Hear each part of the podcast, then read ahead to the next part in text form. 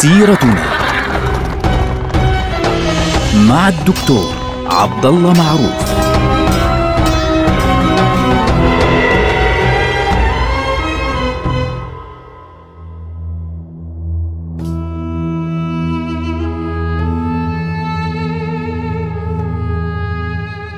السلام عليكم ورحمة الله وبركاته. سيرتنا سيرة هذه الأمة ونحن الآن في نهايات عهد الدولة العثمانية. مع ازدياد الأوضاع سخونة في الأناضول وازدياد الأوضاع صعوبة في إسطنبول بعد احتلالها من قبل قوات الحلفاء. أطل عام 1921 والأوضاع ما زالت يعني آه، مرتبكة جدا وعنيفة جدا خاصة أن القوميين الأتراك أعلنوا الحرب سميت حرب الاستقلال فعليا التركية. بسموها باللغة التركية كورتولوش آه، سافاش هذه الحرب أعلنت في عام 1919 وامتدت المقاومة العسكرية تحت قيادة مصطفى كمال إلى عدة مناطق ضد اليونانيين والفرنسيين وغيرهم. وبالتالي هذا الأمر جعل الأوروبيين يبدأون بالتفكير في التخلي عن معاهدة سافر. لأنه عندهم إحنا طبعا قلنا إنه في عندنا عدة معاهدات. عندنا أول آه، حدث هناك اللي هي هدنة. الهدنة الأولى بين الطرفين كانت في نهاية أكتوبر عام 1918 اللي هي آه، هدنة مدروس ثم بعد ذلك كانت معاهدة آه، سيفر. ثم بعد ذلك الآن اجتمع الأوروبيون ليقولوا يجب أن نجلس معا ونفكر مرة أخرى في كيفية التعامل مع قضية الأناضول. لماذا؟ لأن الأتراك هنا طبعا الأتراك كان في عندهم في تلك المنطقة كان في آه، يونانيون كان في أرمن كان في عرب كان في كثير من الأماكن المختلفة فعليا في هذه البقاع والقوميات المختلفة. فبالتالي الدول الأوروبية كانت نعم تريد إسقاط الدولة العثمانية ولكن السلطان ما زال موجودا محمد آه، السادس اللي هو محمد وحيد الدين ليس بيده شيء. في نفس الوقت مصطفى كمال يعني يرتفع سهمه بين الناس باعتبار أنه يقاوم ويقود مقاومة مسلحة ضد القوات ال ال ال الأجنبية قوات الحلفاء وأعاد تشكيل الجيش إن صح التعبير.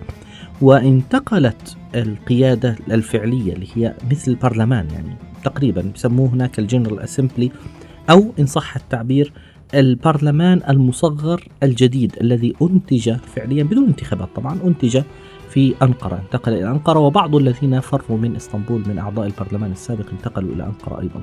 فبالتالي قوات الحلفاء وقعت في مشكلة. طبعا ذلك نفس الوقت الذي كانوا فيه يواجهون نفس المشاكل الكبرى في منطقة سوريا ومنطقة العراق خلال نهاية الدولة العثمانية ونهاية وما بعد نهاية الحرب العالمية الأولى. فلذلك تداعت القوات قوات الحلفاء تداعت الدول آه هذه إلى عقد مؤتمر مهم. هذا المؤتمر سمي مؤتمر لندن لأنه عقد طبعا في لندن. هذا المؤتمر عقد فعليا على عدة جلسات ومتباعدة فعليا. كان هناك جلسة أولى يوم الحادي والعشرين من شهر فبراير اللي هو شهر 2 عام 1921 وجلسة أخرى كانت يوم الثاني عشر من مارس اللي هو شهر ثلاثة من نفس العام 1921 وبعد سنة في مارس عام 1922 عقد فيه أيضا جلسات خاصة يعني تحت نفس الإطار اللي هو يعني مؤتمر لندن دراسة موضوع الدولة العثمانية. يعني هم يقولون حتى نفهم كيفية التعامل مع نتائج الحرب العالمية الأولى وخاصة فيما يتعلق بنتائج معاهدة سافر وماذا سيحدث فعليا في الدولة الحديثة التي ستنتج لاحقا مع سقوط الدولة العثمانية. ماذا سنفعل في الدولة العثمانية ابتداء أول نقطة هنا يجب أن نفهم أنه آه، الجلسة الأولى أو الجلسات الأولى للمؤتمر كانت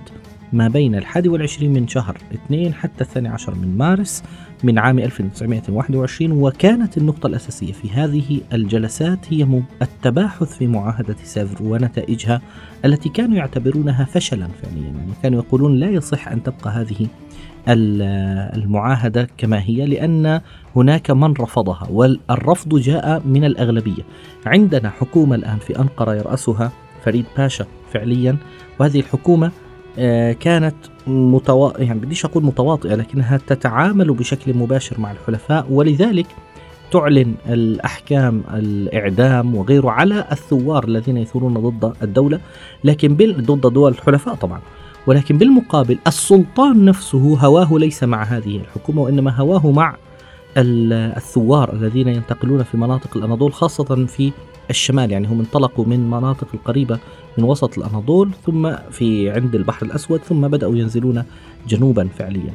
فبالتالي السلطان نفسه هواه مع هذه والمناطق والشعب نفسه أصبح أكثر اقترابا من هذه الحكومة المصغرة إن صح التعبير. لكن السلطان نفسه لا يستطيع أن يفعل شيئا لأنه لأنه موجود داخل إسطنبول ولا يستطيع أن يتحرك بسهولة. فلذلك جاء موفد من أنقرة هذه المرة لاحظوا مش من إسطنبول اسمه بكر سامي كوندو. هذا الرجل كان يمثل أنقرة ويمثل إن صح التعبير الثوار.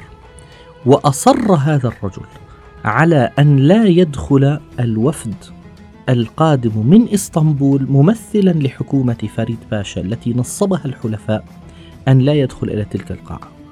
ورفض أن يأخذ معاهدة سيفير آه، سيفر على أساس أنها الأساس الذي آه، نقوم عليه في آه، المفاوضات فعليا.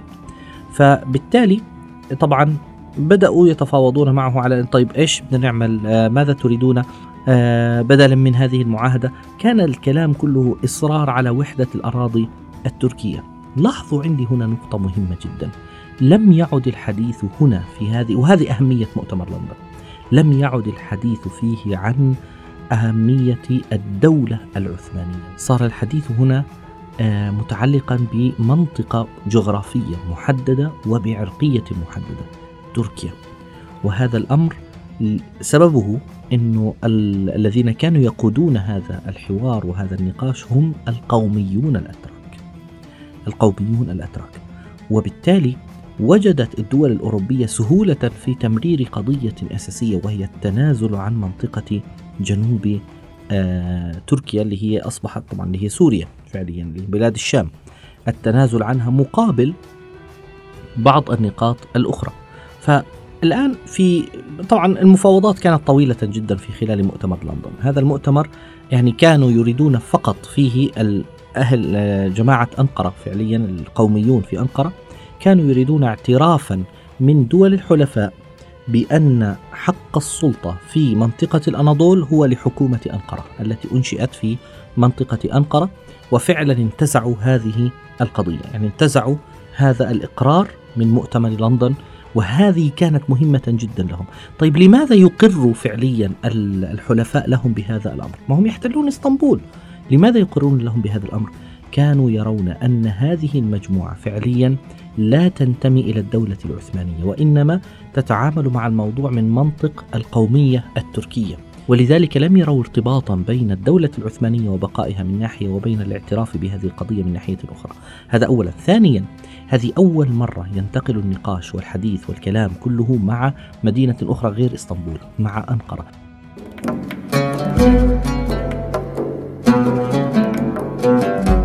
طبعا لماذا؟ أنقرة كانت مؤقتة في ذلك الوقت؟ لأنه إسطنبول محتلة. يعني إسطنبول وقعت تحت الاحتلال. وبالتالي الحديث كله مع أنقرة. السلطان لم يكن له يد في هذا الأمر إطلاقا. لم يكن له حديث في هذا الموضوع ولا بأي شكل من الأشكال. وبالتالي كانت القضية مختلفة بالنسبة له. الآن عقد اجتماع آخر في لندن في شهر آه ثلاثة مارس عام 1922 بين الحلفاء من هذه الناحية و حكومة أنقرة الجديدة وكانوا يريدون فعليا أن يعدلوا يعني بعض التعديلات في الاتفاقية التي يمكن أن نصل بها إلى اتفاقية سلام فعليا مع أنقرة فعليا في هذه المرحلة. طبعا قدموا مقترحات لأنقرة بأن يتم إنشاء دولة لاحظوا دولة أرمنية في آه، أقصى شرق الأناضول. وطلبوا إزاحة القوات التركية الحديثة التي تتبع آه، حكومة أنقرة المؤقتة طلبوا إزاحتها من تلك المنطقة. وقالوا إننا نريد أيضا منكم أن تحركوا آه، قواتكم بعيدا عن المناطق التي يمكن التي تتبع اليونان. ويحدث هناك يعني نقاش بين الطرفين بين القوات التركية الثائرة إن صح التعبير ضد الحلفاء وبين القوات اليونانية ودولة اليونان على تحريك وتغيير المناطق المختلفة. يعني هي نقل اليونانيين من منطقة الأناضول إلى مناطق اليونانية ونقل أهل الأناضول الأتراك إلى مناطق الأناضول من تركيا. إضافة إلى الحديث عن طبعا آه، تغيير في أعداد الجند إلى 85 ألف جندي إلى آخره. طبعا الموضوع هذا لم يقبل به بعض الشخصيات في أنقرة وقبل به البعض الآخر وانتقل الحديث بعد ذلك إلى كيفية إنشاء آه، كيان حقيقي في هذه المنطقة من خلاله يتم يعني إقرار هذه البقاع. طبعا هذا الكيان سيصبح اسمه لاحقا في معاهدة سلام ستحدث لاحقا لمعاهدة لوزان سنتكلم عنها لاحقا إن شاء الله عز وجل. آه، سيكون نتيجتها إنشاء دولة جديدة هي الدولة التركية أو الجمهورية التركية التي نعرفها اليوم. لكن مؤتمر لندن كان واحد من أهم نتائجه في شهر آه ثلاثة خاصة مع آخر اجتماع في شهر ثلاثة عام 1921 من أهم نتائجه أنه بدأت الأمور تصل إلى مرحلة آه التفاهم بين الطرفين. على أننا يمكن أن نترك الحلفاء أقصد نترك المناطق التي احتللناها بموجب آه يعني تسليمها لحكومتكم ولكن بنفس الوقت لا نسمح لكم بأن تأخذوا وتطالبوا بالمناطق التي لا يسكنها الأتراك اللي هي زي إيه؟ مناطق الشام مناطق العراق التي تم احتلالها بالكامل مناطق الشام مناطق العراق مناطق اليونان مناطق الأرمن وغيرها وفي ذلك الوقت طبعا كانت يعني قضية تنقل الشعوب في يعني من هنا إلى هنا تجري على قدم وساق. طبعا هنا تأتينا ختاما نقطة مهمة جدا في هذا الموضوع وهي ما سمي بحركة آه، الأرمن أو تحريك الأرمن. الأرمن في ذلك الوقت في خلال الحرب العالمية الأولى وقفوا مع الروس ضد الدولة العثمانية. وبالتالي أصدرت قرارات بنقل الأرمن إلى مناطق بعيدة عن المناطق التي يمكن أن يقفوا فيها مع الروس. طبعا بعد هذه الاتفاقيات فعليا جرى تبادل السكان بين بعض المناطق اللي هم اليونانيون والأرمن والأتراك. خلال هذه المرحلة كان هناك تحريك للشعوب من هنا إلى هناك. لماذا؟ لأننا نشهد في هذه المرحلة موت الدولة العثمانية وولادة شكل جديد من الدول القائمة الآن على إيه؟ على الأعراق فالأرمن يكونون في مكانهم الأتراك يكونون في مكانهم العرب يكونون في مكانهم وهذا هو عين ما كان يعني ما كانت الحرب العالمية الأولى تتسبب فيه في ذلك الوقت فالحرب العالمية الأولى إن كان هناك شيء كبير جدا على المستوى الشعبي وعلى المستوى الاجتماعي أدت إليه في منطقتنا بشكل عام منطقة آه، الشام وبلاد فارس والعراق والأناضول فهي أنها قسمت الشعوب في هذه المناطق بناء على قومياتهم. وهذا الذي أقره مؤتمر لندن وما جاء بعده من مؤتمرات على رأسها طبعا مؤتمر لوزان الذي سنتكلم عنه لاحقا بإذن الله رب العالمين. نلقاكم على خير والسلام عليكم.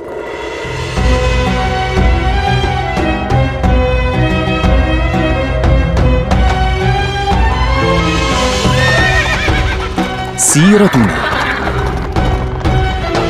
مع الدكتور عبد الله معروف.